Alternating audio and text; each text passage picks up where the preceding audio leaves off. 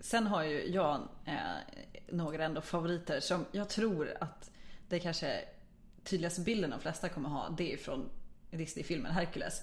Men det är de här tre äldre gummorna som delar på ett öga och är ödesgudinnorna. Eh, som är de som bestämmer när man ska dö.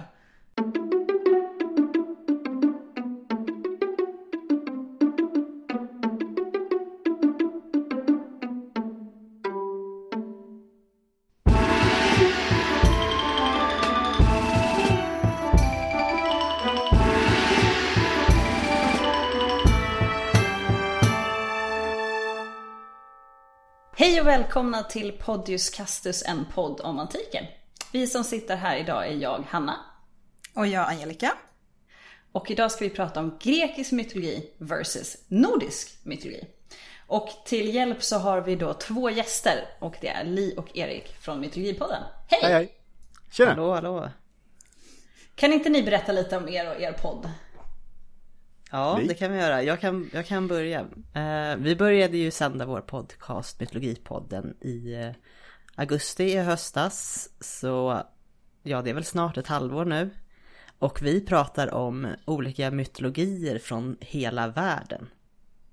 Så ja, det gör vi. Det blir mycket nordisk mytologi eftersom det ligger oss väldigt nära hjärtat. Då. Eh, men ibland blir det ju också grekiskt och sånt också. Och andra, alltså vi är ju ända bort i Stilla havet och snackar om saker från typ Hawaii och Nya Zeeland och sånt också. Så att det är hela världen. Vi har fått med Star Wars också. Ja, det har vi. Vi, vi, vi tar gärna påhittade mytologier också.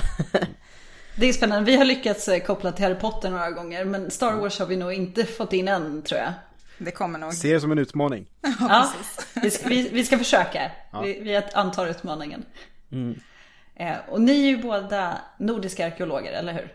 Ja, precis. Ja. Eh, så ni ska få hjälpa oss att rycka in med den nordiska mytologin, för den är ju inte vi lika vassa på som ni är. Ironiskt nog rena grekiskan för er. Precis, det är ju det. Eh, Men då kanske vi ska ha ett litet perspektiv på det här. Angelica, ska du berätta om vår grek som vi ska få resa med idag? Ja, absolut. Och då får ni föreställa er en, en helt vanlig, helt oansenlig grek. Eh, han lever eh, ja, typ 300-talet före vår tidräkning. Och en dag så stöter han på en tidsmaskin. Eh, och sen så får vi tänka oss, han, han har inte de här eh, eh, primalbasiska mänskliga egenskaperna som rädsla och försiktighet. Eh, och det gör ju att han inte har några problem med att närma sig denna tidsmaskin. Och sen så några knapptryck senare så swoosh! Och helt plötsligt så stiger han ur den här maskinen och det är, han ser en snötäckt gran och en till och ännu en. Och var har han då hamnat? Han har hamnat i Skandinavien. Typ tusen år i framtiden. Eh, fin, finns det någon, någon plats eller någon stad han skulle kunna ha hamnat? Vi kan väl säga Uppsala kanske, gamla Uppsala. Gamla Uppsala, ja, men det, det är en plats vi alla känner till och kan relatera till. Absolut. Då vet vi ju var den ligger. Ehm, och för att det här ska funka får vi också tänka oss att vår grek här har gått igenom en tidsmaskin som har någon typ av universalöversättare. Eh, typ något nanoteknologiskt där i hjärnan. Eh, så att den här lite orädda, oförsiktiga greken beger sig ut i den här världen. Eh, stöter på människorna som bor där. Eh, och kommer då på något vänster, han kanske är väldigt teologiskt intresserad, börjar fundera på det här med gudar. Och kommer han då känna igen sig i någonting eller kommer allting vara helt främmande?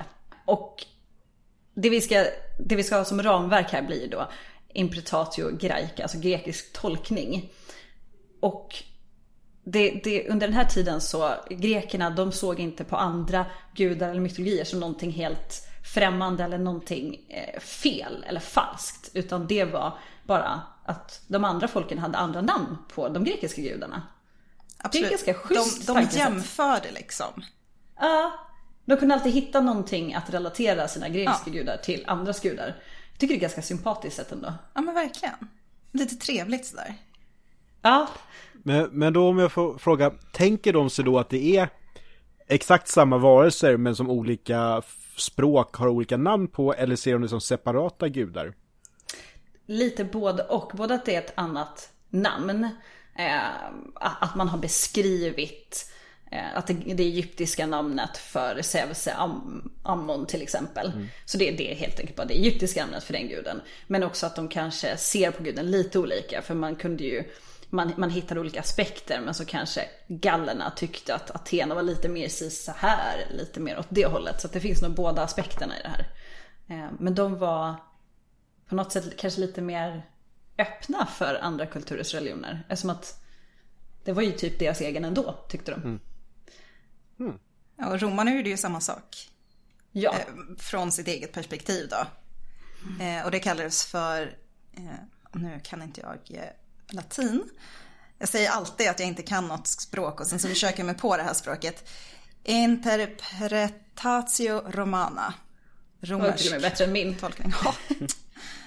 Oh you. eh, och det, det kan man ju ta som exempel Julius Caesar. Eh, han beskriver hur gallerna dyrkar Merkurius, Apollo och Minerva. Eller eh, Tacitus beskriver hur eh, germanerna dyrkar Mars, Herkules och Isis. Eh, så det var inte, det var ju liksom inte bara eh, greker eller romare. Det, det var ju liksom kulturmöten, eller vad man ska säga. De behövde ju också lite göra det här som att de eh, erövrar, framförallt romarna erövrar ju ganska många folk. Eh, Och och för att få alla att känna sig välkomna och hänga ihop så måste man ju säga, men du, din gud, det är ju som vår gud. Så att vi, vi är ju ändå nästan lite samma liksom. Eh, Det är väl ett sätt att få med sig folk. Precis. Men nu har vår grek hamnat runt härden med lurviga nordbor. Och eh, vi kan tänka oss att det kanske är lurviga. Eller de har lurviga kläder, kanske.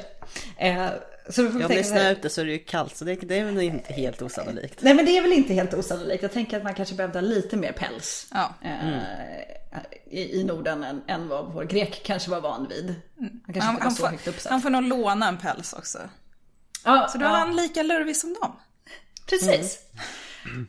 Ja, det, det är faktiskt någonting som står i Havamal, att när det kommer en gäst som är långt ifrån, som kanske gått över berg och är frusen och så här, ska man ju bjuda in den här gästen för att sitta vid härden och värma sig med en filt. Så jag tror att den här greken hade fått exakt det mottagande som vi pratar om just nu, eh, utifrån vad Oden säger att man ska göra. Och vad är då havamal? Eh, Havamal är då en dikt eh, nummer två i den äldre Eddan. Och den är då en sammanställning av flera olika dikter som på olika sätt kopplas till den fornnordiska mytologin. Och Havamal är då, det betyder den höges sång och den höge är då ett av Odens många namn. Jag tror han har över hundra namn och sånt där. Smidigt. Ja, det är väl lite kärt barn har många namn. Ja. Ja men precis. Eh, och eh, Havamal är mycket just hur man ska bete sig och också så här, lite kloka grejer. Sen om vi år 2021 tycker att det är kloka grejer, det är ju en annan sak. Men han säger bland annat att det är bättre att ha med sig bra vett än för mycket alkohol och det kan det ligga någonting i. Det kan, det kan finnas en poäng i det, ja absolut. Ja, ja. men vad, vad schysst då. Då har ju vår grek fått, fått komma till herren och fått lite, Ja. en, en liten filt och, och kanske någonting att dricka också. Ja, Ja. precis. Eh, men, men du, nu har ju du redan berättat om en av de nordiska källorna till, till mytologi. Jag tänkte att vi skulle dra lite snabbt vad det finns för källor till den grekiska mytologin. Ja, och då finns det ju en mängd olika eh, källor. Och främst här finns det ju i poesins värld. Eh, väldigt fint. Eh, men, Eh, ja, vad ska man säga, det är inte ovanligt då att det finns referenser till mytologiska karaktärer eller händelser som, som dyker upp i typ, ja, historiska, geografiska eller vetenskapliga verk också. Och så finns det ett väldigt rikt ikonografiskt källmaterial. Som vasmåleri och skulptur och så. Men inget så kallat standardverk. Och eh, standardverk typ som Bibeln. Men vi har, ja, Iliaden, Odysseen exempelvis. De var ju väldigt eh, tongivande. Eh, Det var ju de, de stora verken i den grekiska litteraturen. Men ett av de mest ska jag säga, sammanhållande verken var ett verk av eh, Hesiodos. Och det, han levde på 7 1600-talet före vår tideräkning. Och det hette Teogonin, alltså gudarnas genealogi. Ehm, han försöker beskriva hela gudafamiljen. Eh, han har med ungefär 30 000 gudomligheter. Helt absurt. Ja, helt absurt. Jag hade ingen aning om att det var så stora siffror. Nej, men, alltså, många är ju liksom eh, den här aspekten, eller nymf Ja, ja, för, ja. den här, alltså, men, men det, det är så otroligt mycket. Så det går ju liksom inte rita upp något typ av släktträd. För även i hans text så motsäger sig varandra, men om man då tar in alla de andra texterna så, så är det liksom, man, blir, man blir fullständigt galen om man ska försöka få det här att hänga ihop. Vem var mamma och pappa till vem och, och syskon och någon föddes ur ett lår och någon ur ett huvud och någon bara uppstod någonstans och ja. Eh, Så att det, det finns ju väldigt mycket tolkningar och utrymme Ja. för tolkningar i det här materialet. Eh, Väldigt mycket Men det finns ganska mycket kvar. motsägelser. Jättemycket motsägelser. Det är vi ganska kom- vana vid. Ja, jag säga. jag tänker att det, li, det måste vara lite samma sak med, med den nordiska mytologin.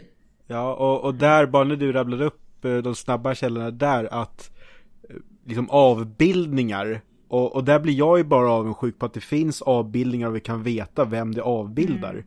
Liksom, det är en konstig figur och så står det tyfon bredvid, ja då lär det ju vara den här titanen tyfon. Men jag tror att det inte finns, Liv får rätta mig om jag har fel, men en enda avbildning här uppe i norr där det faktiskt står vad den ska föreställa. Vilket då leder till att vi inte ens vet om den ska föreställa en gud. Det kan vara grannen på skidor lika gärna. Istället för ull.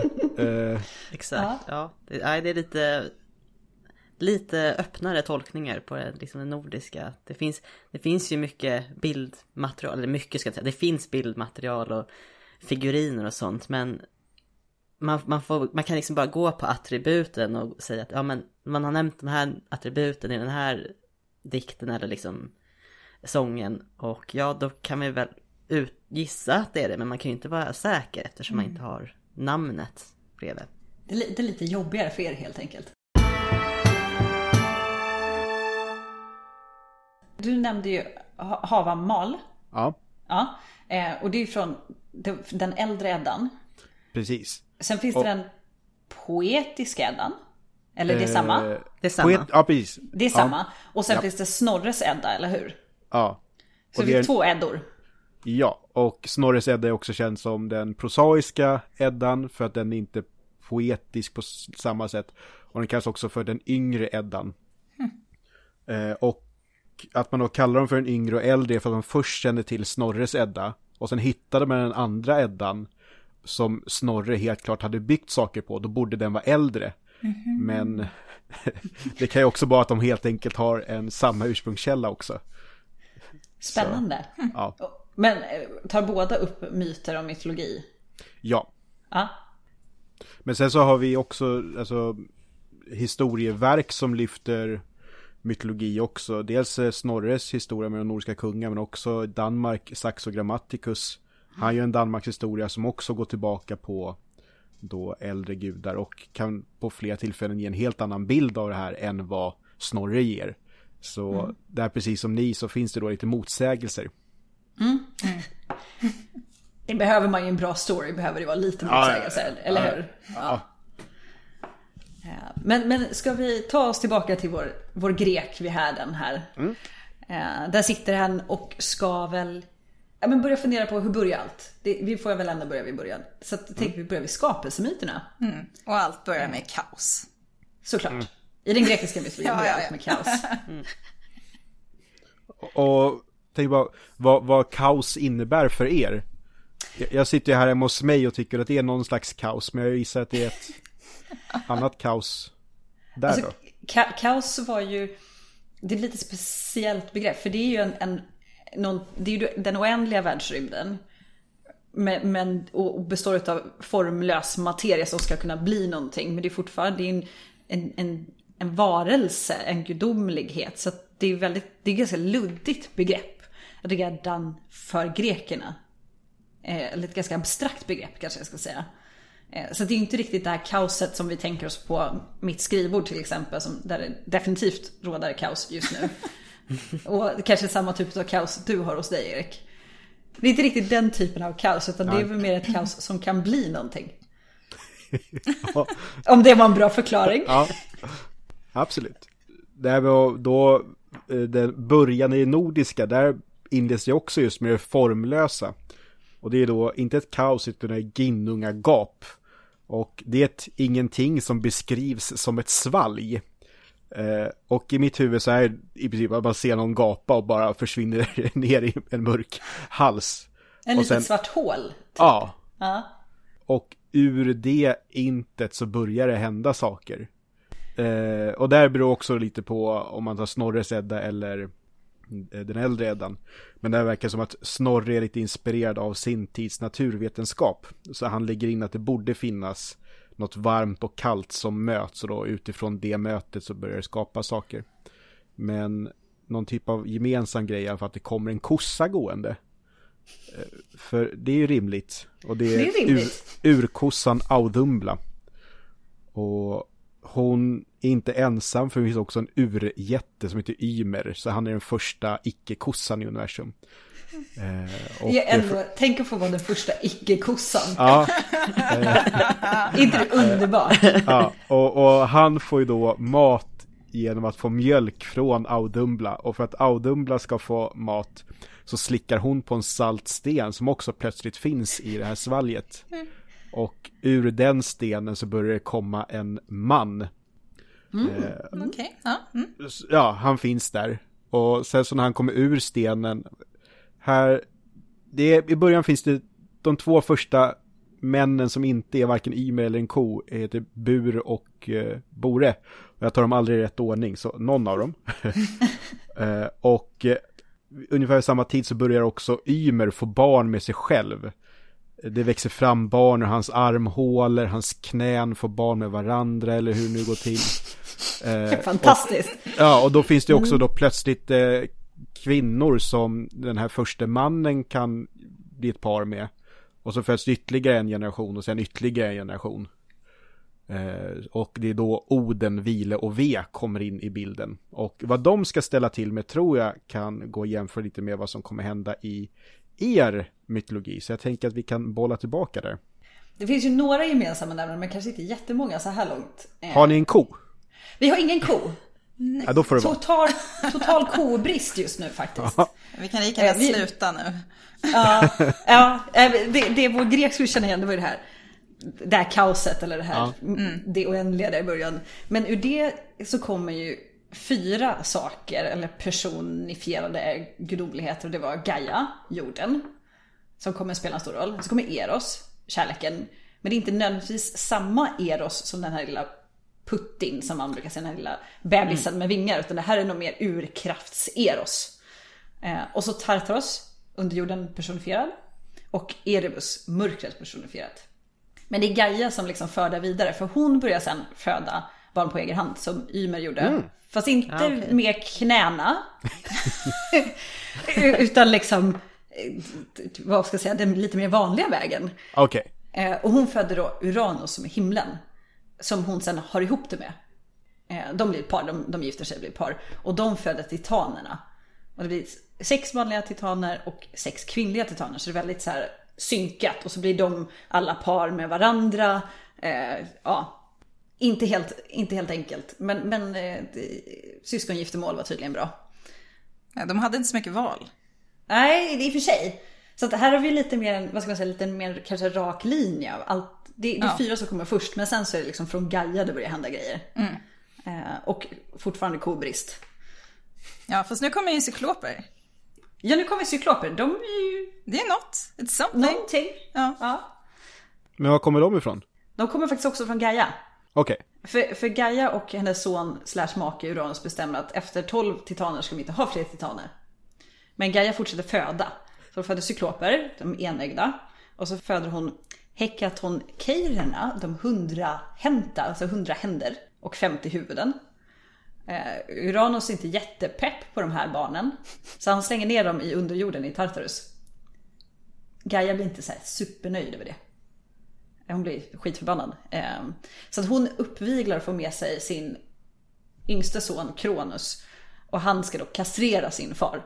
Eh, för att ta över makten. Eh, och det gör han. Hon eh, lyckas med det uppviglandet. Yes. Och det var liksom första generationen gudar, de här titanerna. För Kronus i sin tur, han får ju höra att okej, hans barn kommer ju också göra samma sak. Så han får barn med sin syster, Dea. De får sex barn. Den sista känner vi igen, det är Zeus. Eh, och för att liksom, ska jag säga, in, inte bli omkullkastad av sina barn så käkar han upp dem. Rea födde barn, han sväljer dem. Ja. Hon födde barn, han sväljer dem. Inte jätteschysst kan jag tycka. Otacksamt. Väldigt otacksamt. Aningen. Eh, så att Rea, i sista barnet av Zeus, då, då får, lurar han honom och ger honom en sten, stenbumling som han sväljer och sen så eh, får Zeus växa upp. Här finns det ju för sig en get. Vi närmar oss. Vi närmar oss, eller hur? Zeus får en get som eh, nanny. Eh, Ja. så, som som eh, ska hjälpa honom. Eller mata honom i alla fall. Och sen när han har vuxit upp så, så ska han ta itu med sin far. Och det gör han. Eh, och då föds ju hans syskon igen i omvänd ordning. Liksom. Så han blir då, som sistfödd blir han förstfödd. Och utkommer hans syskon. De kommer man att kanske känna igen. Eh, Hestia, Hera, Demeter och sen framförallt Hades och Poseidon. Så nu har vi tre bröder. För det börjar väl närma sig vad ni har i den nordiska mytologin. Ja, det var ju Oden, Vile och Ve då som var Ja. bröder. Det de gör är ju att dräpa jätten Ymer då. Och det är ju det som händer då är att Ymers kropp blir ju till olika delar av världen. Så vi har ju blodet som blir, åh vad är det nu, det blir regn och vatten och, och så. Och så har vi ju tänder som blir stora stenblock i landskapet. Och, och vad är det håret blir Erik? Håret Är det minns- skogen? Det känns möjligt. Ja, om, ja, ja, det känns som att jag blandar ihop olika eh, mytologier här. Om, är det hjärnan som blir himlen? Eh, hjärnan blir typ moln och sådär och sen är det själva Ja, kraniet som lyfts upp och blir himlen. Så var det. Så var det. Det, det känns väldigt så här, gory på något sätt. Ja men det- verkligen. Ja, Tänk att ta en så här fin romantisk promenad längs stranden och bara Åh, titta Ymers blod och hans tänder där borta. ja. Och så Mm, tittar man på hans eh, skalp tillsammans medan solen går ner. Bra tips för en romantisk dejt. Eh, jag tänker få, få se om vår grek stannar kvar till länge för att få uppleva någonting sånt. Och höra de här sjuka historierna. Ja. han, han kanske redan nu har, har ångrat sig och bara oj oj oj. Ja. Men, men just de här tre bröderna och träpandet där borde ju ändå kä- kunna liksom kännas igen här. Eh, däremot så låter de ju sina biologiska pappor och farfar vara i fred. Eh, de försvinner helt enkelt ur bilden, de kommer liksom aldrig dyka upp igen. Eh, så där kan man ju nästan tänka sig att det borde vara någon myt som försvunnit eller en myt som omtolkats när det väl skrivs ner.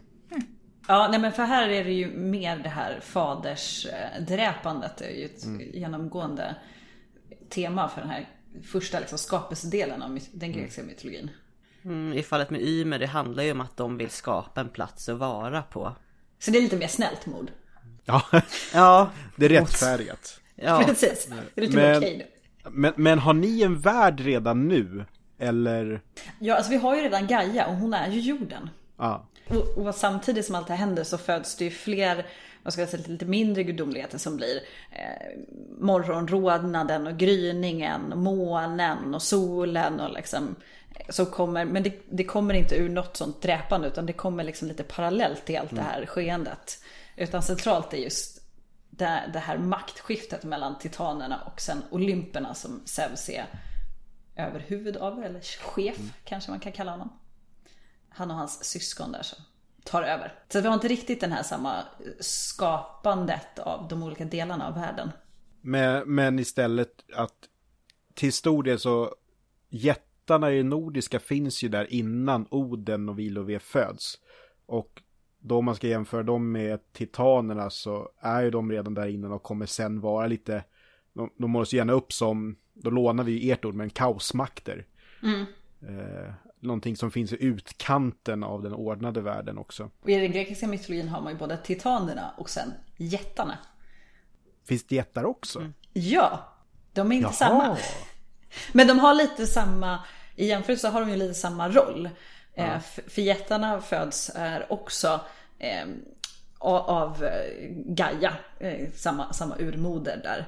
Eh, och det kommer bli krig mot båda de här två grupperna i olika omgångar. Men, men eh, de beter sig lite på samma sätt. Eh, jättarna kastar stenar bland annat och det gör titanerna också. Eh, men, de är också den här lite kaosmakten, det här som man måste vinna över för att få en ordnad tillvaro. Eh, och det är väl, har väl jättarna i den nordiska mytologin har väl lite samma roll där. Ja, att de ska ju ofta ställa till problem. Sen så är ju inte alla jättar onda. Och eh, många av gudarna har ju jättar som antingen partner eller förälder. Så, och det vet, hur funkar det hos er? Finns det några sådana relationer över? Eh, ja, det finns det ju.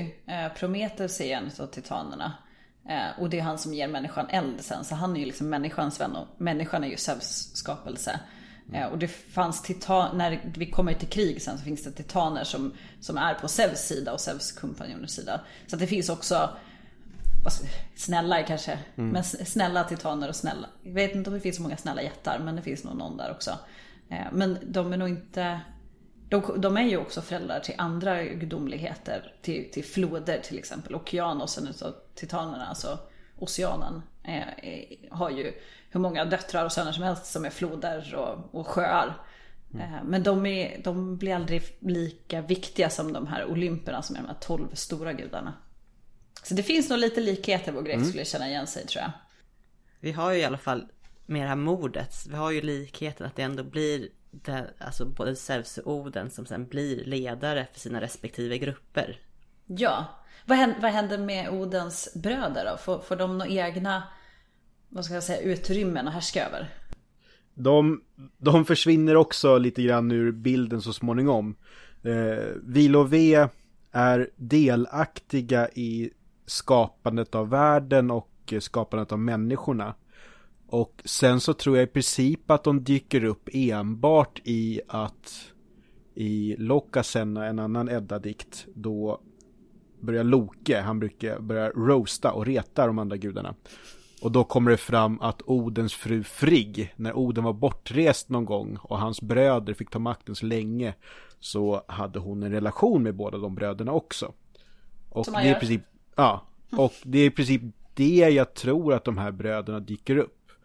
Däremot i Snorres Edda i Gylfaginning, den större berättelsen, då ska en kung besöka Asgård, eller han kommer till en stor borg och där finns det tre stycken kungar. Och det är också här, är det Oden som låtsas vara tre olika personer? Eller är det Oden och hans två bröder? Eh, och där är väl att siffran 3 och 9 är återkommande siffror. Så det kan liksom vara att man helt enkelt bara bygger på det. Eh, men bröderna försvinner i stort sett. De, de räknas inte upp i några andra sammanhang. De har spelat sin roll. Ja, och där om vi känner Oden rätt så kan han mycket väl ha sett till att de togs hand om. Eh, de, de kanske inte fanns med sen. Men vad, vad, är det som händer sen då när, eh, när Zeus har blivit den förstfödda? Vad... Ja, han, han, delar, han delar faktiskt upp makten lite sådär snällt. Jag vet inte om man har sett Disneys Hercules. Eh, så kanske man känner igen sig att Hades är lite missnöjd över att han fick underjorden. Men han får underjorden i alla fall. Där ska han härska. Och Poseidon eh, får härska över vattnet, liksom, haven. Eh, och sen blir det ju en det blir ju inte nödvändigtvis tre eller nio i den grekiska mytologin, det blir tolv, tolv olympiska gudar. Som blir liksom det här viktiga som allting kretsar kring.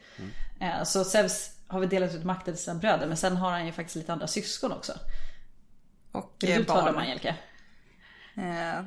Då vi har eh, Athena, Apollo, Artemis, Ares, Afrodite, Hephaistos, Hermes och Dionysos.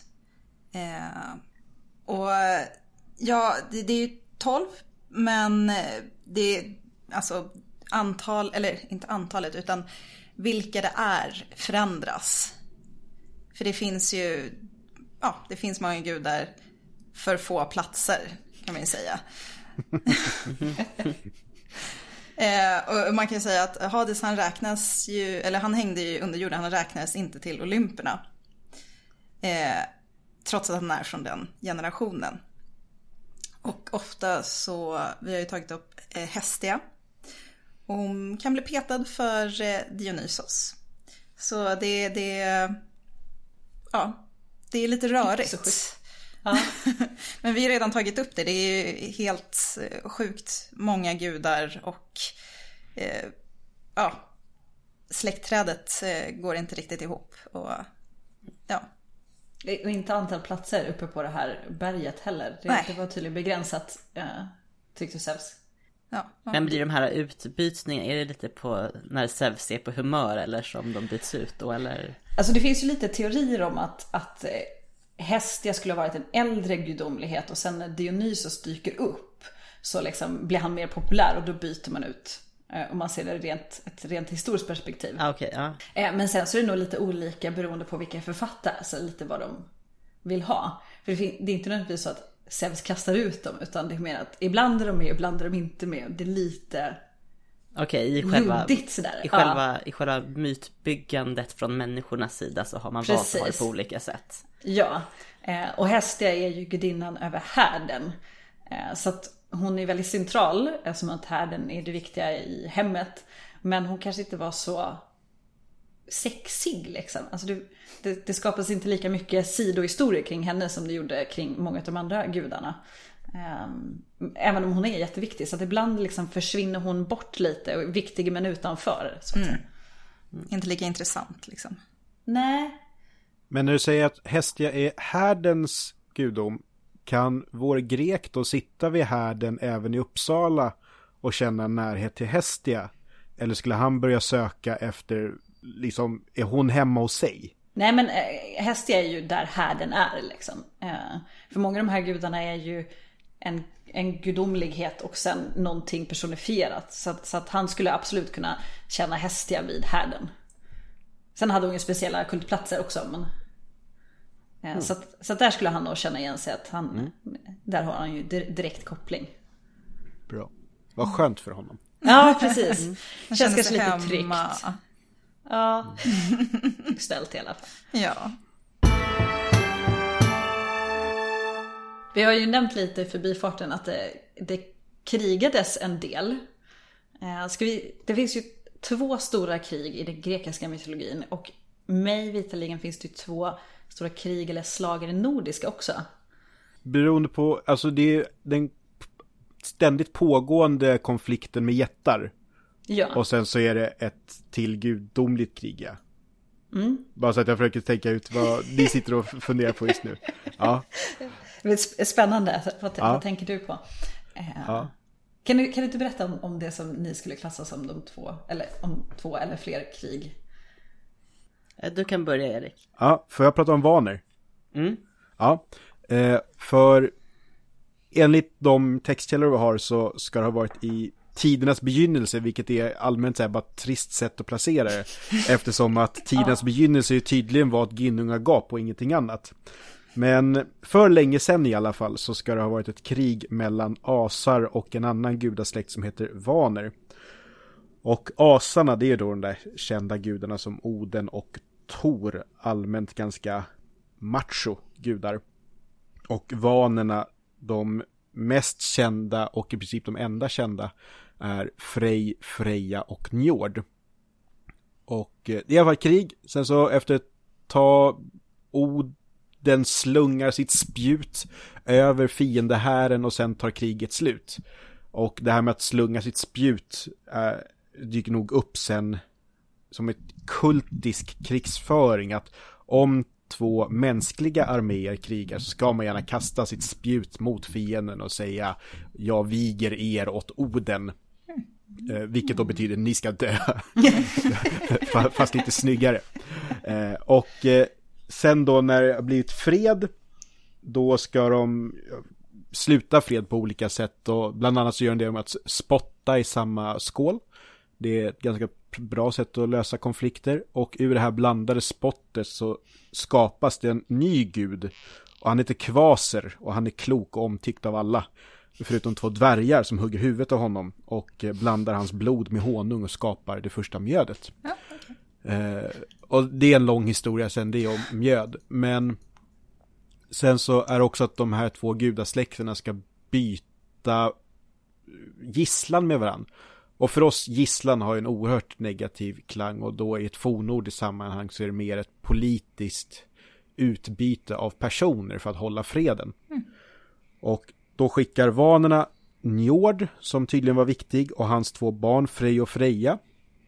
Och asarna skickar, eh, beroende på textkälla, bland annat Kvas är iväg ett tag, men så är det också framförallt Mimer som åker iväg till vanerna. Och eh, de som skickas av asarna blir snabbt eh, kung och rådgivare. Men vanorna anar ugglor i mossen och hugger huvudet av Mimer och skickar tillbaka det. Men Frej, Bra Freja och fredshandling. Ja, nej men alltså Vanorna målas gärna upp som så här fruktbarhetsgudar, kärlek, trevliga grejer. Men i vanakriget så verkar de vara ganska aggressiva.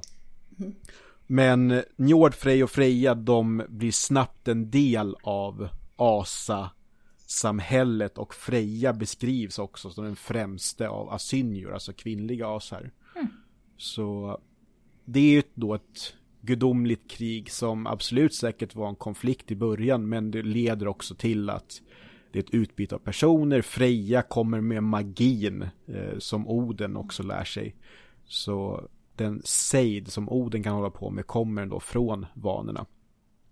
Sen bara för att sabba allt det här så läste jag nyss en teori om att vanrasar egentligen det är två olika släkten utan det är att Snorre försöker skapa en kontext. För enda gången vaner dyker upp som ord, då är det allitteration, alltså poesi och rim.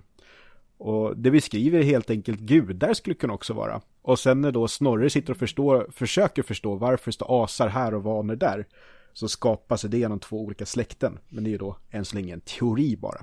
Spännande. Mm. Så Ja. det, det kanske, kanske omkullkastas den här klassiska. Ja, jättestörigt. För jag tycker verkligen om bilden av vaner. Ja.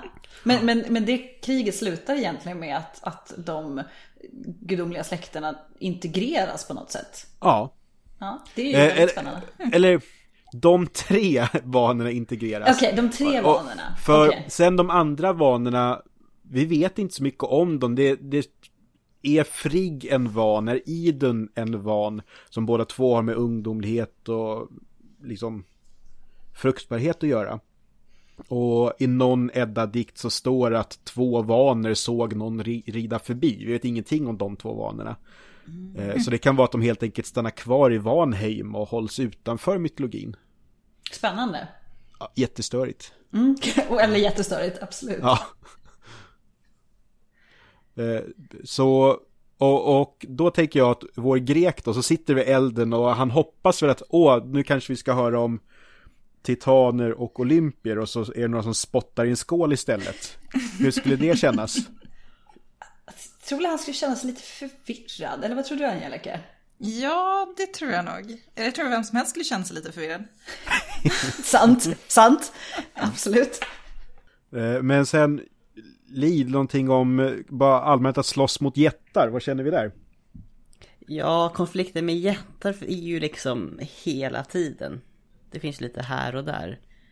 Eh, Men det kanske man främst tänker på är väl Ragnarök.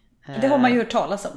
Ja, och det som är kanske speciellt med det är väl att eh, i, i poetiskan det, det beskrivs ju som något som, alltså att det är Sia som ska hända. Det är en völva som förklarar vad, vad som kommer att hända.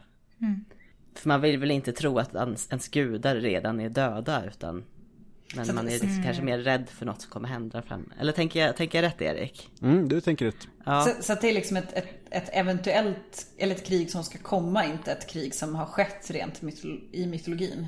Precis. Spoiler alert liksom. Ja, Ja. men precis. Och, och man, man vet då från den här, den här völvan, alltså fram, den här framtidssierskan som eh, att det ska föregås av en, något som kallas för fimbulvintern. Vilket är en väldigt jobbig period av svält och det är missväxt och Mm. eftersom det är vinter är väldigt kallt och helt jävligt och det skapar ju ins, ins, massa instabilitet i samhälle och även bland liksom, i gudavärlden. Ehm, och olika liksom, monster och så blir ju mer som Midgårdsormen blir ju mer aktiva och påverkar ju havet. Ehm, Men, men ja. det är asarna mo, mot just jättarna då? Är det de som är jättarna som är motståndarna i det här? Ja precis, att det är de här äh, Lokes barn då, som Fenrisulven och Midgårdsormen och så är det jättar. De, de går samman för att utmana asagudarna just nu när det är så instabilt. Smart. Och det slutar ju med att det är ganska många som dör helt enkelt. Alla stora gudar men även flera av de här monstren eh, försvinner ju också efter det här slaget. Det var inget lyckligt slut på den sagan. Ja, Där, det finns ju ändå en fin slutklang på det där och det är ju att Ja. det kommer vara en ny värld som finns efteråt. Ja ah, okej, så det, det kommer det nya liksom. Ja, Ja. att det är en ny ordning av gudar som tar över. precis. Det är ändå ganska trevligt. Ja, Ja, det finns hopp liksom. Mm. Jag tror ju vår, vår grek här vid härden skulle ju i alla fall känna igen sig i den här konflikten med, med jättar. Eh, Däremot kanske inte riktigt i det här framtidsperspektivet. Eh, För de två stora krigen, gudomliga krigen i den grekiska mytologin är ju Olymperna, alltså med Zeus i spetsen, mot just jättarna. Eh, och, och det som är lite, här fanns det och för sig en, en spådom som var väldigt viktig och det var ju att gudarna skulle inte kunna vinna det här kriget själva utan de behövde hjälp av en dödlig. Och det är Herakles eller Herkules sen i den, i den romerska mytologin. Som får step up och liksom lite lösa det här åt dem. Eh, och jättarna var ju då barn till Gaia så de har ju liksom också funnits där länge. Så att det är hela tiden den här eh, att befästa ordningen mot det här kaosiga, eh, de här stökiga jättarna som står och kastar stora stenbubblingar. Det var inte superschysst. Men sen fanns det ju ett annat krig, Angelica. Ja, då, då har vi ju Olympierna mot eh, Titanerna. Och det är ju eh, när Zeus eh, besegrar sin, sin far. Och han friar sina syskon och ledde det här upproret mot Titanerna. Eh, det var tioårigt krig. Och som Olympierna då till slut vann. Eh, och eh, en konsekvens av det här kriget eh, som man säkert känner igen. Det är att titanen Atlas fick bära upp himlavalvet på sina axlar. Skitjobbigt. Eh, Det är och, hans straff. ja men precis. eh, och sen så här kommer ju någon sorts hierarki eh, mellan gudarna också. Så att det här, det är inte det här fina vi tar några gisslan som vi sen integrerar och blir en viktig del utan det är titanerna ska liksom kuvas. det var verkligen. syftet. Ja. Och de gillar verkligen att, att ta upp det här. Det visas ganska ofta i, i den grekiska konsten. Eller väldigt ofta. Eh, Så att man har väl spekulerat i om det här ska visa på grekernas ja, hur mycket bättre de är än alla andra folk och alla andra folks gudar. Att det liksom ska symbolisera att de hela tiden vinner över, över de andra. Men nu har vi faktiskt, eh, vi har ju vi har nämnt gan- ganska många gudar. Ska vi se om vi kan hitta någon jämförelse? För jag, tror jag tror ju ändå att vi kommer kunna hitta saker som synkar mellan. Så att jag tror ju spontant att vår lilla grek skulle känna igen Afrodite i i alla fall Freja. Eh, Afrodite är ju kärlekens och skönhetens gudinna i den grekiska mytologin. Ja, och eh, Freja har ju absolut sådana sidor hos sig men är ändå inte begränsad till det. Eh, För Afrodite, att det du sa, det är i princip det hon gör och också lämnar Hephaistos och håller på. Alltså det är fortfarande ganska begränsat till relationer. Hå- Håller på är rätt ord. Ja, Ja, Eh, hon, hon har ju en relation med, med Ares som är en av krigsgudarna. Och ur det kommer ju lite små omysiga barn. Men, men absolut att det är ju det, det, är ju så här kärlek, skönhet, relationer. Mm. Eh, hennes mest kända, eventuellt mest kända son var ju Eros. Han kunde ju, eller det kunde ju också vara den här lite mer urkraften. Så att det är lite dubbelt där. Men, mm. men Freja är lite mer, lite mer kanske. Ja, alltså för där, hon, hon kan åberopas när det har med kärlek att göra. Det, det står i Snorres Edda. Och eh, anklagas ju för att vara inte helt monogam, eh, kan vi säga. För Freja är ändå gift med en man som heter Od. Och eh, då finns ju tanken att Frigg, Frigg och Freja kanske ursprungligen var samma gud och sen har splittrats upp i två olika individer för att det skulle passa bättre med någon myt och då mm. är Freja inte ihop med Oden utan med Od. Men hon har ju också haft ihop det med sin bror Frej. Mm. Och det är någonting som vanerna gjorde men asarna såg ner på det. Så därför ska man inte göra sånt. Det kan ju finnas och... andra anledningar också, rent ah, genetiska, ah. men, men ah. ja. Eh, och sen så är det väl också att eh, Ja men det finns lite mer saker på det temat. Men hon är ju också en oerhörd maktfaktor i bland gudarna. Hon har hand om magi. Hon är den som lär Oden en viss typ av magi. Och Oden anses ändå vara den smartaste och klokaste och bäst på det mesta. Men han får ändå söka sig till Freja för att kunna utvecklas inom den delen av kunskap. Är, är det för att hon kommer utifrån så att säga? Att hon kan komma med ny kunskap från, från, äh, från ett annat folk? Det, det kan absolut ligga någonting i det. Mm. Uh, och uh, sen är det så att Freja är ingen man säger man, man säger inte emot Freja. För jättarna, de tar Tors hammare en gång och det är liksom det viktigaste vapnet. Och jätten lämnar bara tillbaka det om han får gifta sig med Freja. Och då säger Freja nej. Och då kan man helt enkelt inte gå vidare med det.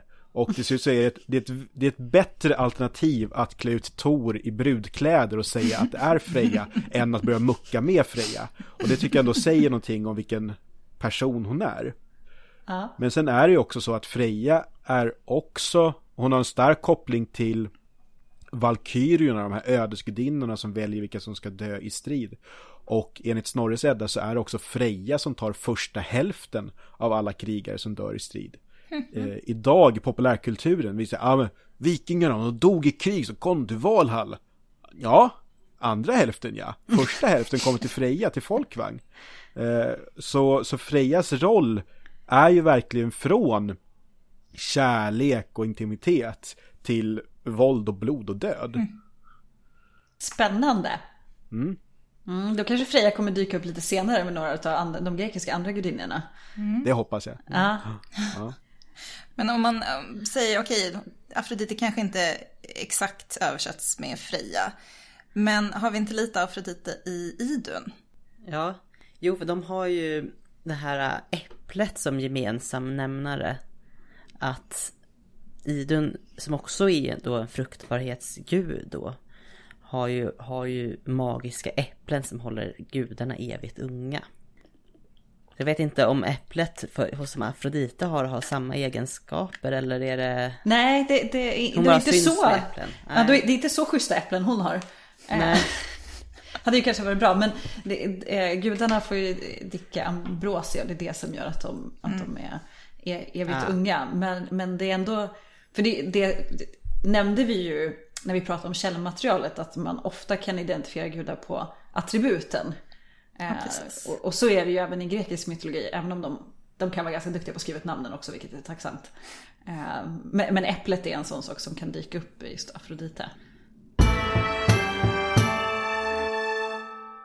Men då kan man ju då tänka sig ett samtal då eh, den här greken sitter och diskuterar och han hör om den här eh, vackra kvinnan och han känner åh men äntligen någonting jag kan känna igen. Och sen så börjar det komma om hur det är en vad ska jag säga, war mage för att använda rollspelstermer. som plötsligt kommer och är också den här charmiga kvinnan. Men det, men det skulle han ju å andra sidan kunna känna igen i grinnan Athena. Mm. För hon är ju också väldigt, väldigt vacker. Eh, och vishetens gudinna, men också det, vad ska man kalla det, kloka kriget. Alltså hon är ju den, den, den krigsgudomligheten. Det finns ju Ares som många tänker på. Men han var liksom det besinningslösa kriget. Så han var inte så, liksom, han mm, var inte jättebra att ha att göra med. Det blir bara tokigheter med honom. Eh, men Athena var ju den aspekten av Freja då, just den här, den här starka kvinnan och den krigiska delen. Eh, så att han skulle nog kanske tycka att de har rört ihop Afrodite och, och Athena lite. Ja, och, och då kan man tänka sig då hur, om han istället har börjat prata om Athena och så säger de, nej men vår Freja kan göra det här. Ja, men det låter rimligt. Och sen kan det bli viss kulturkrock för hon är väl 0% sexuell. Ja, alltså hon, hon håller hårt på att vara oskuld. Ja. Ja, eh, det, det, det, är väldigt viktigt för henne. Eh, så, så att absolut, det, det, blir lite, det blir nog lite tankevurper för vår stackars grek här. Verkligen. Han kanske inte får reda på allting på en gång nej, heller. Nej. Han, han, kanske har tur och bara, okej, okay, nu har jag fattat. Och så kan det gå kanske två dagar vid den här innan, innan det börjar strula sig för honom. Ja. Men, men där, jag gillar det där om eh, hon är då det besinnade kriget, alltså det ordnade mm. kriget. Men att du också har det, det, det besinningslösa kriget i det... Ares. Har ni samma, finns det samma, eller ni, men har, finns det samma ja. Nej men för där har man då, om man tar Oden som ju också är en krigsgud, det finns ett gäng krigsgudar. Men namnet Oden kommer från eh, Vodanas eh, i äldre tider än vår grek har hamnat i. Och det är då den rasande. Och eh, om man tar de bärsärkar senare som väl ska ha någon koppling till Oden. De släpper ju helt och hållet på att vara någon typ av rimlig krigare. Utan det är liksom, man, man, kan inte såras men man slåss bra. Ja. Eh, eller, och man slåss bra, det behöver inte ens vara ett men. Eh, så han är då någonting sånt. Och där finns ju tanken att Oden skulle kunna komma ur ett möte med Rom, som ju då är efter vår grek. Men germanska trupper som ser den romerska kulten och vem vill en romersk leoknekt ha som gud? Jo, Mars eller tidigare Ares då. Att man kanske tar med sig de aspekterna hem och inflivar dem i Oden. Mm, för det är lite intressant att du nämner romerska Mars. För han har ju egentligen han är egentligen mer Athena än Ares, okay. fast har blivit Aha. en man. För, för Mars är ju mer det här, alltså det, så att säga, de bra egenskaperna av, av okay. kriget. Inte riktigt det besinningslösa som Ares är. Och han men vad tufft. För, jag har eh, för, för man brukar att... likställa Ares ja. med Mars. Men det är inte, det är liksom inte riktigt helt, eh, det är inte riktigt helt bra. Oh. Uh. Men vad intressant. Mm, för... för, för jag hör ju då till den här gruppen människor som tycker att romersk mytologi är bara en kopia av grekisk mytologi. Eh. Det känns ju ofta så, eller hur? Ja. Det, till, ja. och med, till och med för oss. Fram oftast. Ja. ja, precis. Och det är så det läggs fram. Eh, men Minerva som då ska vara den romerska liksom, motsvarigheten till Athena har ju med det här vishetens del. Alltså man plockar okay. bort det krigiska och så har det hamnat ah. i Mars. Liksom. Man har renodlat, kanske man inte ska säga, men Eh, för annars är ju vår, vår Athena är ju då också ganska lik Oden i det här, det här vishetens, mm. den delen. Både det krigiska och det visa. Det, det har ju de gemensamt. Fast, fast annan könstillhörighet. Ja, Oden inte, eh, han har ju på sig kvinnokläder i en historia så jag tror inte han är helt främmande för ett byte där. Nej, att Athena hon, hon eh, gick oftast runt med, med rustning så det, ja. det, det, det, var inte så noga. Nej.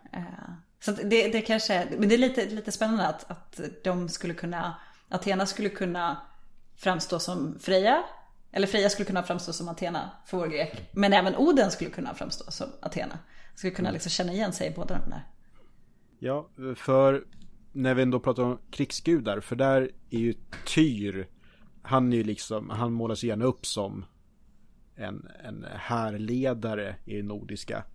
Och är ju en krigsgud.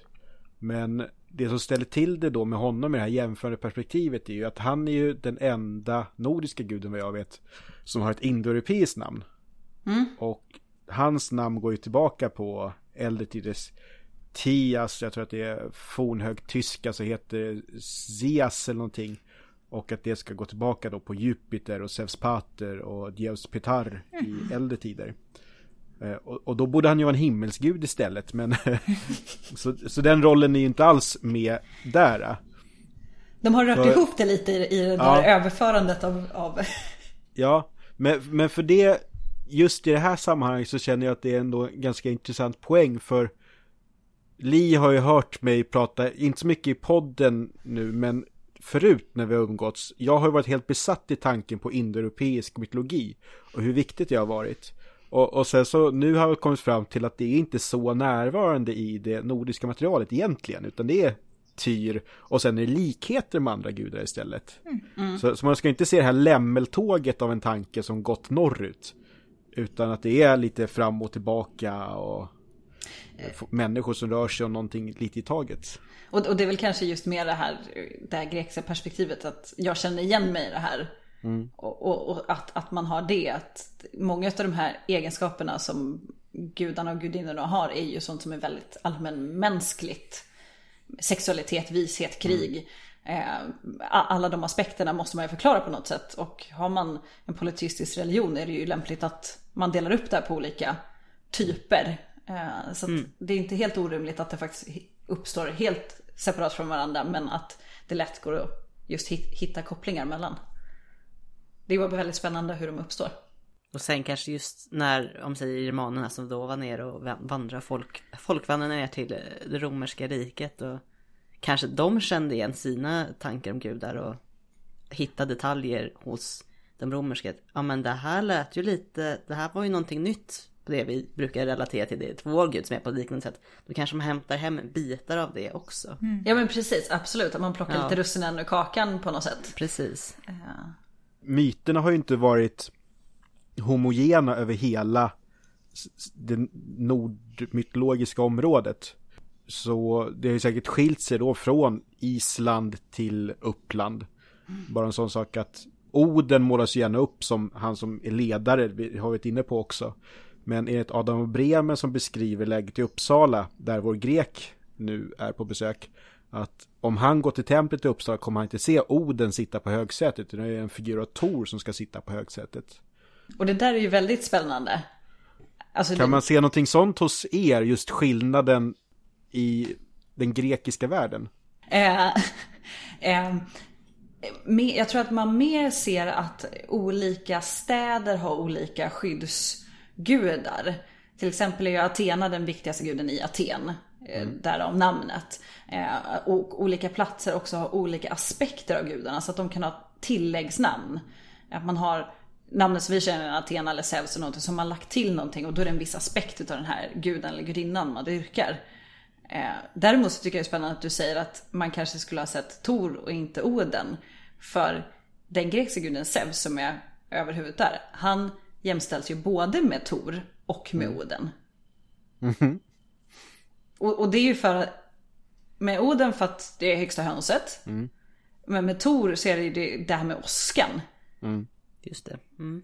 Så, så att det, är, det är lite roligt att, att, eh, ja, att den kopplingen finns där mellan båda dem. Ja, och, och sen är det ju det att i romersk text, nu, nu går vi över huvudet på vår stackars grek här igen. Men i latinska källor kan man jämföra Tor med Herkules istället, eller då grekiska Herakles. Och, och där, det tycker jag är lite intressant, för Herakles räknas han som halvgud, eller jag är på Disney-spåret nu? Det, nej, du, du är, han är halvgud.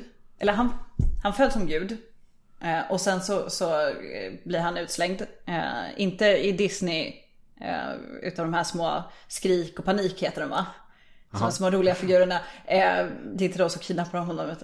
Hera är involverad för det är inte hennes barn. Hon är inte så supernöjd över att Zeus har legat runt som han alltid gör. Eh, så han blir dödlig och sen blir han halvgud. Men sen när han har gjort alla sina tolv eh, stordåd så blir han faktiskt gud. Så han gör liksom hela resan. Så han är både och. Han är både en hero och en gud. Sen liksom. Eh, men, och de har ju lite liknande attribut med Herakles klubba och Tors hammare. Att, att de hänger ihop, där brukar man mig vetligen liksom jämföra att de är lite lika. Ja, men, men han är ju ändå, Tor är ju bara, han är ju gud hela tiden. Ja. Men hans pappa är ju Oden, om man då ska ta Zeus-spåret. Men hans mamma är ju jorden själv. Vilket vi då skulle passa bättre in på en tidigare generation av era gudar. Men det blir ändå en koppling till jorden, tänker jag finns som någon typ av likhet. Men det jag tycker är ganska rart, det är hur då Tacitus, eller Taci- Tacitus, eh, hur han väljer att förklara att de uppe i norr pratar om Herkules. Och, och det är ju det här med ett av stordåden som ni säkert kommer kunna dra bättre, men det är ett par äpplen som ska hämtas. Nu är jag äpplen igen. Nu har vi äpplen Eh, igen ja. Mm. Eh, men då, enligt någon berättartradition, ska de finnas norrut. Och då när Herkules ska ha varit det där så ska germaner bara, åh, cool snubbe. Och så börjar de dyrka honom att det då skulle vara Torkulten. Eh, och det är ju då det här interpretat, ja jag ska inte försöka, men tolkandet från Roms perspektiv. Det är, vä- det är det är väldigt väl- schysst liksom att de, germanerna har ingen egen påhittighet överhuvudtaget. Nej. De såg en snubbe bara, japp, vi tar det här konceptet. Ja. Eh, Men skulle, skulle vår grek kunna känna igen det här med, så här, är jag verkligen där de där äpplena var nu eller hur, hur, är det en romersk tradition då? Jag tror inte han skulle kunna föreställa sig att vara så långt norrut. Det är ju liksom Okej. bortom den kända världen. Ja, På något sätt.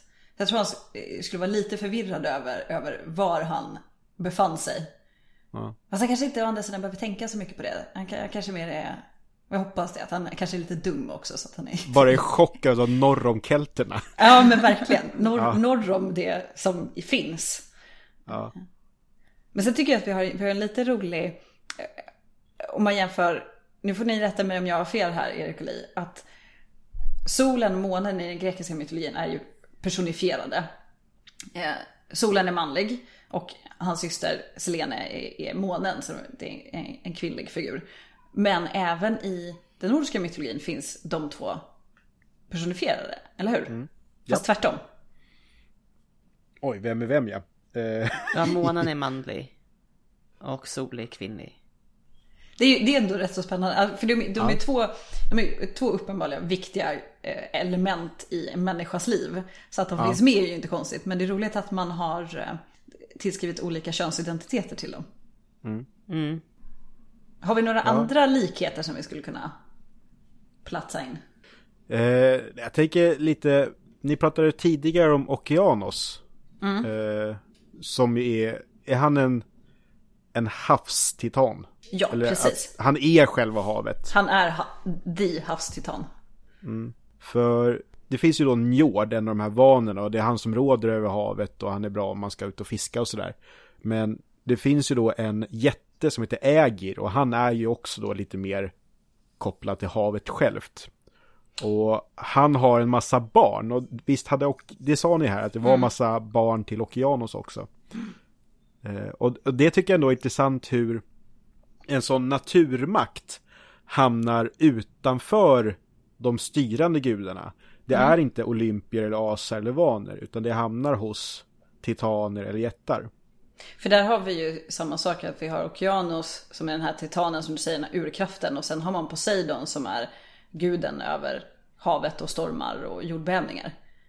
Som, som är en av olympierna som är det mer styrande, men själva urkraften ligger som just där utanför perspektivet på något sätt. Eller det är för, det är ett, kanske ett före-perspektiv. Ja, spännande. Där finns det ju ty, tydliga, tydliga igenkänningsfaktorer för vår grek skulle jag säga. Ja, vad skönt. Ja. Och det är också lite så här, jag kan inte känna igen det att han är antagligen lite överväldigad. Vad gör man då? Man går och tittar på havet, havet är havet. Det är skönt. Ja men det är skönt. Det, det finns någonting, någon trygghet i det. Men sen är ju jag lite fascinerad eh, när man har sett alla fantastiska är det Marvel-filmer med Loke. Ja. Sen, så, så kommer ju, kommer ju den supersnygga Hel, Hel in. Som är eh, gudinna över underjorden, eller hur? Ja. Ja, Hel är i, um, i mytologin då dotter till Loke, eller hur? Ja. Eh, och föddes då med halva, halva ansiktet och hår var ju liksom levande och andra halvan var dött. Så därför fick, bestämde ju Oden då att nej men du får, du, du ska nog vara nere i underjorden och härska där. Du Jag vet inte om det var- eller? Eller ja, förmodligen kanske, jag vet inte. Eller att du är för läskig för folk, ja. Men du kan ju ta hand om de som dör av sjukdom och allt det där nere. Det, blir- det blir bra. Schysst. Jag vet inte, jag vet inte om det var någon omsorg i, i det beslutet. Men Hel är då, är då en, kvinn, en kvinnlig gudinna då som härskar i dödsriket som då också döps efter henne. Så att vi var inne på det lite i vårt senaste avsnitt om dödsriken. Att hon både, eh, att dödsriket är ju namngivet efter henne så att hon både styr över dödsriket och på något sätt kanske är dödsriket personifierat var vi inne och funderade på.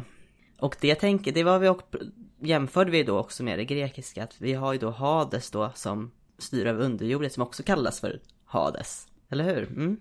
Ja, vi har ju Hades. Och han var ju bror till, till Zeus då. Ja, vad ska man säga? Ja, han härskade i dödsriket under jorden. Eh, han var väl inte så nöjd med, med det. Eh, kall, kan vi väl kalla honom. Sträng. Eh, utan nåd. Men inte ond. Det kan man ju inte säga. Ansåg man att, att Hel var ond? Eller var hon också bara där? Ni, nja, jag har inte fått intrycket att hon är ond på det sättet. Nej, däremot så tycker jag det är kul där när du beskriver honom som person, för Snorre skriver att hon är bister. Just Och, och det, det just passar ju det. in där också. Eh, däremot så är hon ju, hon är också en sån makt som man inte ifrågasätter. Men det, det, det är hon som bestämmer om du får lämna döds, eller under jorden. Ja, Ja. För det är ju samma sak med Hades, att du lämnar ju inte Hades om inte han har sagt att sure you can go. Eh, Så det, är väl, det är väldigt samma, på den sidan är samma premiss att när du väl har hamnat där så, så, så får du vara där om inte du på något sätt lyckas övertala härskaren att få komma loss. Eh, Men sen är det där då när man ska till hel och nu hoppas jag att vår grek inte ska behöva gå till dödsriket. Men när det berättas om det så kommer han i alla fall tycka att han känner igen en detalj för utanför hel sitter en hund som heter Garm. eh, Som allmänt blodtörstig och har tyvärr bara ett huvud. Men jag Lite tycker synd. ändå att Man behöver fler ändå. Eller? Ja. men ni hade ingen kossa så vi vinner ändå. Eh, så, jag ska inte jag tävla i det här. Eh, men, men ändå just hur man sätter en vakthund utanför dödsriket, för det har väl ni också? Ja, precis. Vad är Kerberos? Eh, men han hade tre huvuden. Ja, jo, det är rätt Precis rätt faktiskt. mängd huvuden Ja. eh, för en hund. Jag, jag tycker att nu får vi slänga in Harry Potter i det här avsnittet också. Ni, ni som har läst Harry Potter och sett filmerna, det här är Fluffy. Så, då har vi sagt det liksom. Då har vi, då har vi sagt det. Det är samma hund. Men det finns ju ändå mer likheter, eller hur? Med, med den här vägen till, till dödsriket. För förutom Kerberos i Grekland så ska man ju över en flod. Styx. Men, och man måste ju färdas över Styx då. Så får Ja, man precis. ge mynt till, till Karon. eh, För att komma över. Ja. Ja, Den tidens Uber liksom. Ja. Fast lite mer one way. One way Uber. Ja. Man kanske inte hade så mycket val. Nej. Eh, Men det är väl lite samma princip när man ska ta sig till eh, dödsriket i den nordiska mytologin. Eh, ja, det, vi har en flod också. Men vi har ingen färjekarl tror jag. Nej, det är, någon, det är en väkterska som står där och vaktar en bro som eh, går över den här floden då. Va, va, och vad heter floden? Eh, Göll, tror jag den heter.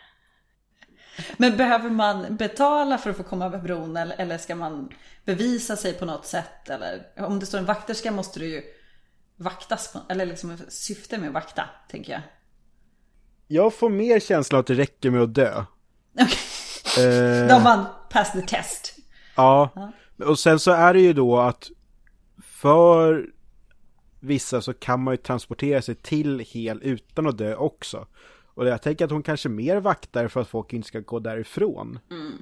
Okej, ja, det är mer åt andra hållet liksom. Fast, ja, det, det kanske har funnits någon sån grej att det ska vara med att man ska bevisa sig. Och i de hedniska gravarna finns det ju en mängd olika gravgåvor. Det kanske är någon av dem som skulle vara bra för att just ta sig dit. Men i och med att de inte riktigt hade ett pengasystem på samma sätt så faller ju de här karonsmynten. Men sen har vi ju faktiskt, i den grekiska mytologin har vi ju inte bara Hades som man kan hamna i. Ja, alltså då hamnar ju på de eleusiska fälten. Och det är, det är typ paradiset. Eh, och den eviga vårens land. Låter jättefint. Det låter jättemysigt. Ja, alltså jag som längtar väldigt mycket till våren. Vill väldigt, eller nej, nu låter det som jag vill dö, men det vill jag inte. Lite, väl eh, mörkt känner jag Ja, det. lite, lite väl mörkt. Det bara ger mig vår. Jag tänkte såhär, typiskt antikvetare som inte vill vara kvar i vintern. Jo, men det, det är väl jag ungefär. Eh, men i alla fall, hit kommer de eh, goda människor. Eh, och, och man kan säga att, de, att komma till de eleusiska fälten, det, det är typ en eufemism för att dö. Men det var väl inte fullt så många som faktiskt tog sig dit? Nej, jag tror inte det. Ganska få förunnade. Ja, Fa- Fanns det något, vårens land eller något paradis eh, för nordborna? Också ganska exklusiv skara i så fall. Om man ska komma någonstans, i huvudsak så ska man dö i strid. Då kan det bli bra. Eh, och eh, sen så finns det liksom antytt andra dödsriken och man kanske liksom har en gravhög man är i istället. Antyds i någon dikt att trälar eller de förslavade att de skulle hamna hos Tor. Vilket väl skulle vara lite trevligt förhoppningsvis. Men, men då måste jag ju fråga, om man ska vara duktig, dö i strid och antagligen vara lite duktig. Var det här då exklusivt för män? Eller är det bara en, en modern en modern föreställning att det är bara män som kan kriga? För jag vet ju att det är, man har hittat gravar med där det osteologiska könet definitivt är kvinna. Men där det också har funnits typiska så att säga, manliga attribut med, med rustning och svärd. Och... Mm. Eh, där är, det finns ju kvinnor i Valhall och eh, Folkvagn då där Freje är. Där är ju Freja också på plats och säkerligen Valkyrier också. Däremot så tror inte vi kan läsa om någon kvinna som dör och kommer till Valhall. Eh, så det är ju synd. Jag tror att Egil Skallagrimsons dotter från en isländsk saga och nedskriven efter vikingatiden. Hon vill dö för att hennes pappa är deprimerad. Och då ska hon komma till Freja tror jag. Men i just de här krigardödsrikena verkar det vara så att männen är de som får öva på krig och festa. Och de kvinnliga valkyrierna mer passar upp på männen. Okej. Men det tror jag också återspeglar vilken miljö det är som har skrivit ner de här sakerna. För Snorre då, han kommer ju från en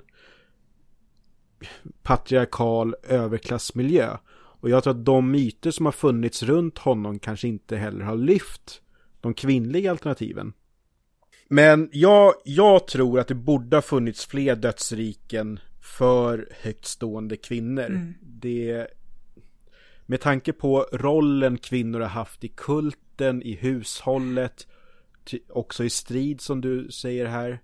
Att alla de bara skulle hamnat i hel som går ut på att vara tråkigt. Det är ju det är ju inte ens ont att vara i hel. Nej. Eh, det är kallt och trist. Och man har en bister ledare. Mm, Det är, ja. Om vår grek då är där på 700-talet eller vad vi nu satte honom. Då hoppas jag att han skulle få en mer varierad bild av vad som händer efter döden. Vi håller tummarna för det. Ändå. Sen har ju jag eh, några ändå favoriter som jag tror att det kanske tydligaste bilden de flesta kommer ha. Det är från Disney-filmen Hercules. Men det är de här tre äldre gummorna som delar på ett öga och är ödesgudinnorna. Eh, som är de som bestämmer när man ska dö. Eh, I den grekiska mytologin så, så är de tre stycken eh, som man inte kommer känna igen namnet på så jag tror faktiskt inte att jag drar dem. Men då har man en som spinner livstråden. En som avgör hur lång den ska vara och den som klipper av den. Då får man ju se den här Disney-filmen. Och mig vetligen finns det ju någon typ av motsvarighet för det här i den nordiska mytologin. Ja, precis. Vi har de här tre nornorna som sitter vid Yggdrasils, världsträdets rötter. Och de spinner ju då trådar och väver olika livsöden. Så de har ju då kontroll över människornas ja, liv helt enkelt. Till, viss, till viss grad. Men varifrån, för var nonorna kommer ifrån, det, det finns lite olika tankar om de helt enkelt bara finns. i någon Edda-dikt så nämns det om tre jättekvinnor som bara kommer en dag gående. Eh, men era ödesskapare, finns de bara eller kom, tillhör de titaner eller olympier eller? Det finns två olika historier om hur de dyker upp. Antingen så kommer de från, om man, om man går på poesi då som vi nämnde där, den här stora boken Teogonin. Eh, så är de döttrar till Nyx, till natten. Eh, det känns väl som att det liksom, man kan greppa hur det hänger ihop, liksom natten och, mm. och, och ödet. Um, och, och, de kommer till för att Nyx har ihop det med sin bror, Mörkret, som var i början där. Men sen finns det också en annan berättelse och det är att, och det är från, från samma text, så det är lite spännande att det dyker upp i samma text att de har olika bakgrund. för att göra det enkelt för oss. Och det är att de kommer, alltså det är Zeus barn. Och det är Zeus med hans andra hustru, Temis. Så att han, han har två hustrur. Eh, så att då kommer de därifrån. Så att det, det är lite oklart. Antingen kom de tidigare, som vi pratade om, om här innan. Eller så är de i, i generation Zeus och, och yngre. Så du, du, du, kan väl få välja vad du tycker känns, eh, mm. vad du men, känner dig mest bekväm med. Ja, jag ska fundera på det. Men, men kan en sån sak uppstå i att när, var det här teogenin? Ja, precis. Ja, att kan, när det skrivs ner, hämtas det från olika berättartraditioner också? Någon typ av folklorinsamling i princip? Ja, alltså de de, de berättelser som fanns från början var ju liksom folk som läste dikter, alltså berättade dikter. Och sen har väl de, det är samma sak med Iliaden eh, och Odysseen. Det anser man ju nu har, har samlats ihop. Det är inte så att det är en person som har suttit på sin kammare och skrivit, för det gjorde man ju inte. Man återberättade ju det här hela tiden. Så att antagligen, att det är så här många olika gudomar i den här boken, att det är så rörigt i hur det hänger ihop är ju för att, för att det kommer från olika historier och mm. Han har väl kanske inte haft fyra redaktörer och två korrläsare eh, som har gått igenom det här och sagt att du, du vänta här nu, eh, nu har du bytt pappa på den här snubben. Eh, utan att det kommer just att, att det är ett hopkok helt enkelt. Mm. Och sen så skrivs ju det här eller återberättas igen och folk refererar till den och tar upp det och så dyker de upp på andra ställen och så blir det bara ännu rörigare. Eh, så att absolut, det, det har väl eh, att göra med att det är en, en berättartradition som är mycket, som går tillbaka mycket längre än vad själva verket gör. Men jag tycker ju ändå att vi har gett vår grek ganska mycket att tänka på. Ja, absolut. Jag hoppas ju att han kommer eh, verkligen akklimatiseras och, och liksom känna att nu har han hittat hem. Eh, till, till, till det nya spännande. Alltså med, tan med tanke på att han är liksom orädd och bara så här, kör på. Jag tror att han stannar där. Ja men jag tror också det. Jag, ja. jag, jag, vill, jag vill ge honom ett liv i framtiden ja. i det kalla Norden. Ja. Eh, men jag tror att vi kanske avrundar där. Mm. Men för, för alla våra lyssnare nu som behöver hitta er podd, Mytologipodden, vad gör de det? Ja, då finns vi på Acast, Spotify och Apple slash iTunes.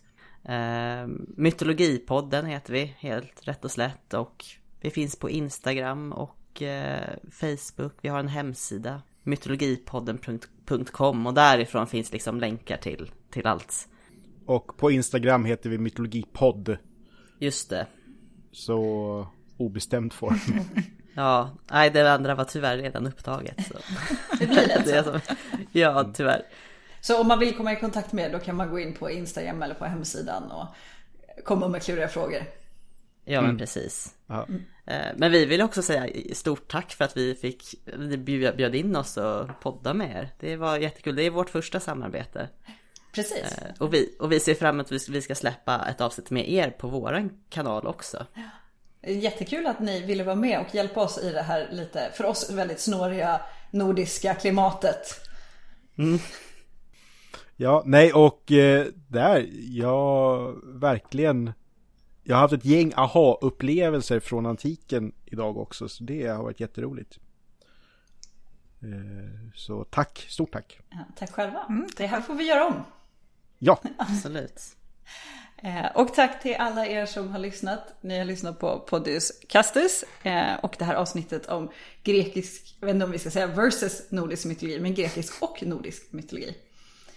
Vill ni komma i kontakt med oss så finns vi på Instagram, Facebook eller på mejlen. Och det är podiuscastus.gmail.com. Så tack för oss och på återhörande.